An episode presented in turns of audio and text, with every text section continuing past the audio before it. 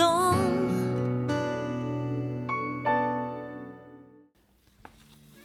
Dzisiaj razem z ziębniętym chłopakiem z Asti szukamy trochę ciepłego powietrza w zakrystii świętego Franciszka z Asyżu w Turynie.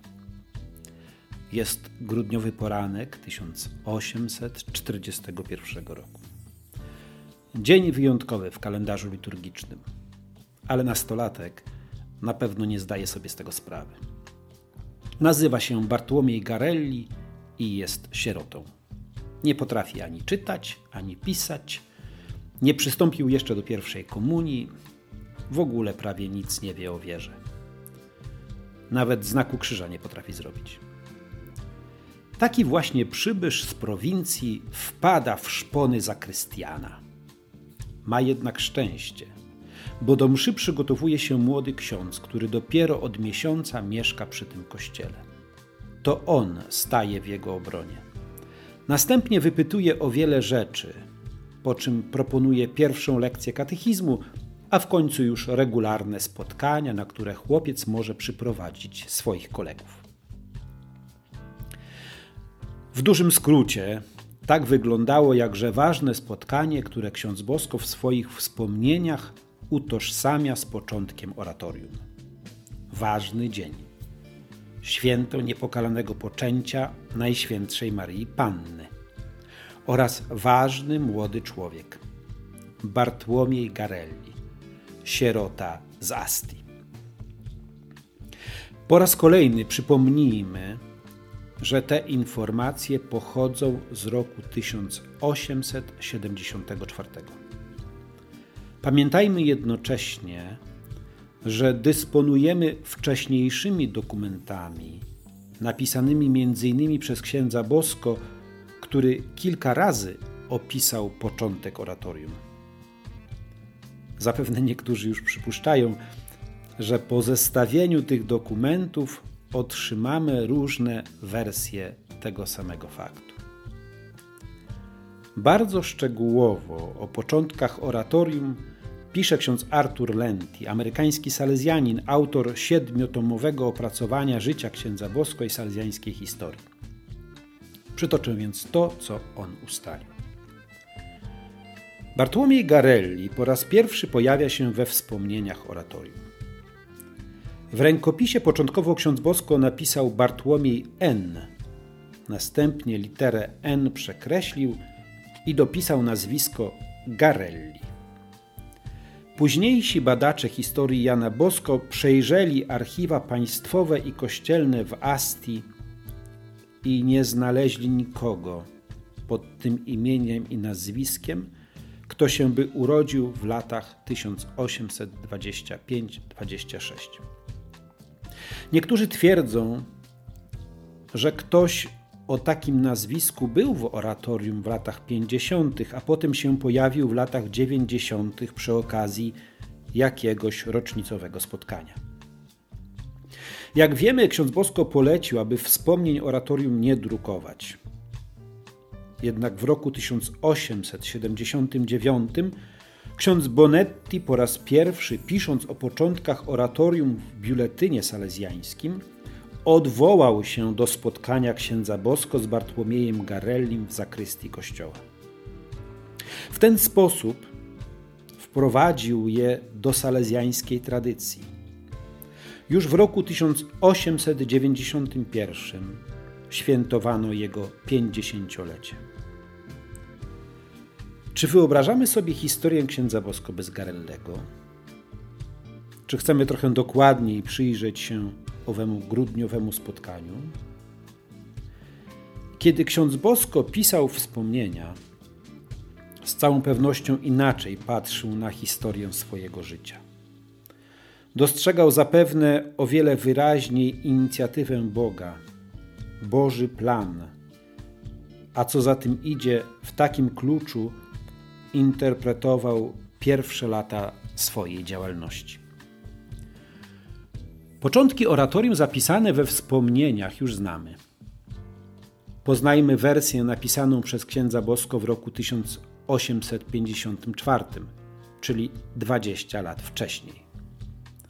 Dowiadujemy się z niej, że ksiądz Józef Cafasso już wcześniej przy kościele świętego Franciszka z Asyżu przy którym się mieścił konwikt kościelny, prowadził niedzielny katechizm dla młodych pomocników murarskich. Miał jednak tak wiele innych obowiązków, że musiał go zaprzestać. Wtedy to właśnie, pod koniec 1841 roku, ksiądz Bosko podjął go na nowo, a rozpoczął od dwóch dorosłych młodzieńców, którzy pilnie potrzebowali religijnego pouczenia. W tym samym czasie odwiedzał on także więzienia i poznał sytuację młodych więźniów. Jednocześnie zastanawiał się, jak mógłby pomóc chłopcom, kiedy oni już opuszczą więzienie. Widział, że przebywanie w tych przerażających miejscach nie zmienia ich życia. Przeciwnie, młodzi ludzie uczą się tam jeszcze bardziej wyrafinowanych sposobów czynienia zła. Jak zauważają badacze księdza Bosko, 39-letni autor zostawił tekst pozbawiony emocji i ideowego zaangażowania. To opis poszczególnych wydarzeń spisanych 13 lat po ich zaistnieniu. Nie ma w nim Bartłomieja. Są dwaj młodzi ludzie bez imienia i nazwiska. Także dzień nie jest sprecyzowany. Pod koniec 1841 roku. Tak po prostu. O sytuacji rodzinnej chłopców Jan Bosko także nic nie wspomina. We wspomnieniach mamy zdecydowanie więcej szczegółów. Opis jest o wiele bogatszy. Jednak i tutaj nie znajdziemy wszystkiego, co przekazuje tradycja. Próżno szukać pytań o to, czy Bartłomiej potrafi śpiewać i gwizdać. Odpowiedź na ostatnie pytanie pełni bardzo ważną rolę, bo otwiera chłopca na przepytującego go nieznanego księdza. Wreszcie może odpowiedzieć tak, może powiedzieć, że coś potrafi. Ciągłe nie jest przecież takie frustrujące. Jakie jest zatem źródło tych dwóch pytań? Jest nim tekst autorstwa księdza Dominika Ruffino z początku lat 60. Ksiądz Ruffino wstąpił do oratorium jako kleryk diecezjalny i w wieku niespełna 23 lat, od razu po otrzymaniu święceń kapłańskich, Został katechetą zgromadzenia salezjańskiego, czyli osobą odpowiedzialną za życie duchowe. Do jego zadań należało ponadto spisywanie tego, co mówił i robił ksiądz Bosko. Pozostawił po sobie siedem zapisanych zeszytów.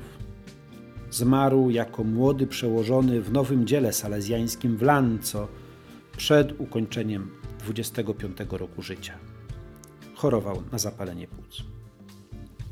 Ksiądz Ruffino w jednym z zeszytów przytacza opowieść księdza Bosko o początkach oratorium. Jest to opowieść zbieżna z tą znaną ze wspomnień, chociaż mniej dramatyczna i krótsza. Występuje w niej 15-16-letni chłopiec. Ksiądz Bosko spotyka go w zakrystii i staje w jego obronie.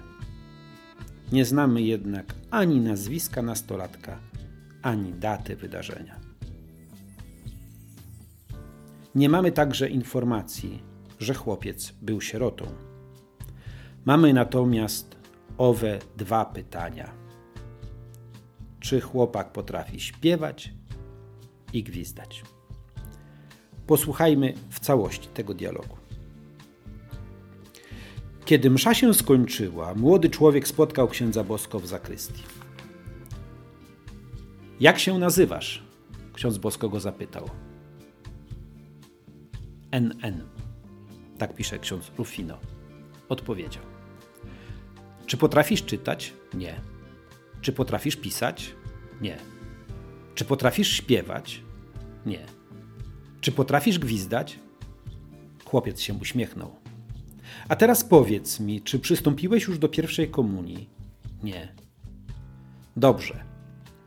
Zatem Trochę później, za jakąś godzinę, wróć tutaj, a ja będę cię uczył. Wieczorem chłopiec przyszedł na lekcję.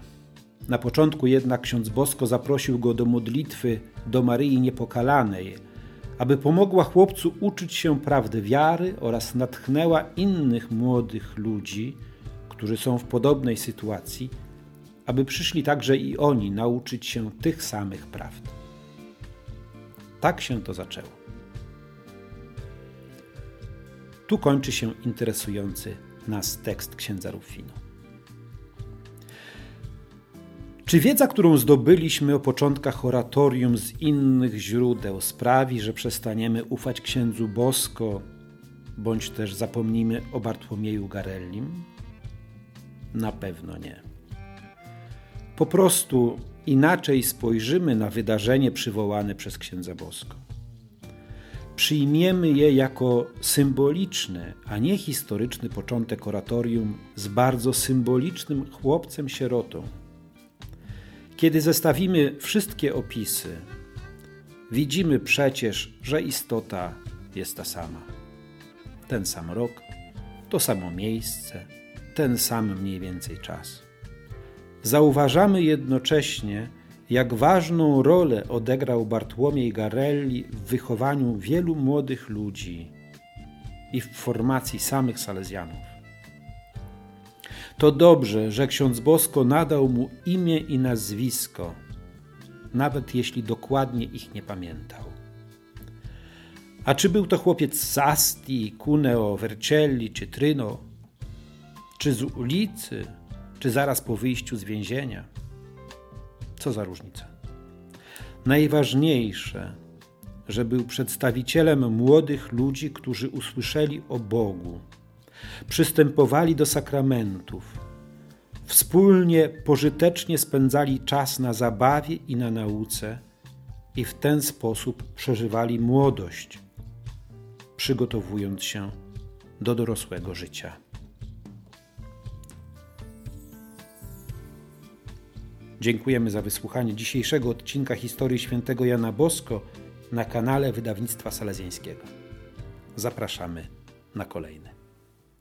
Naucz nas, księże bosko, żyć nadzieją jak wiosną. Każdego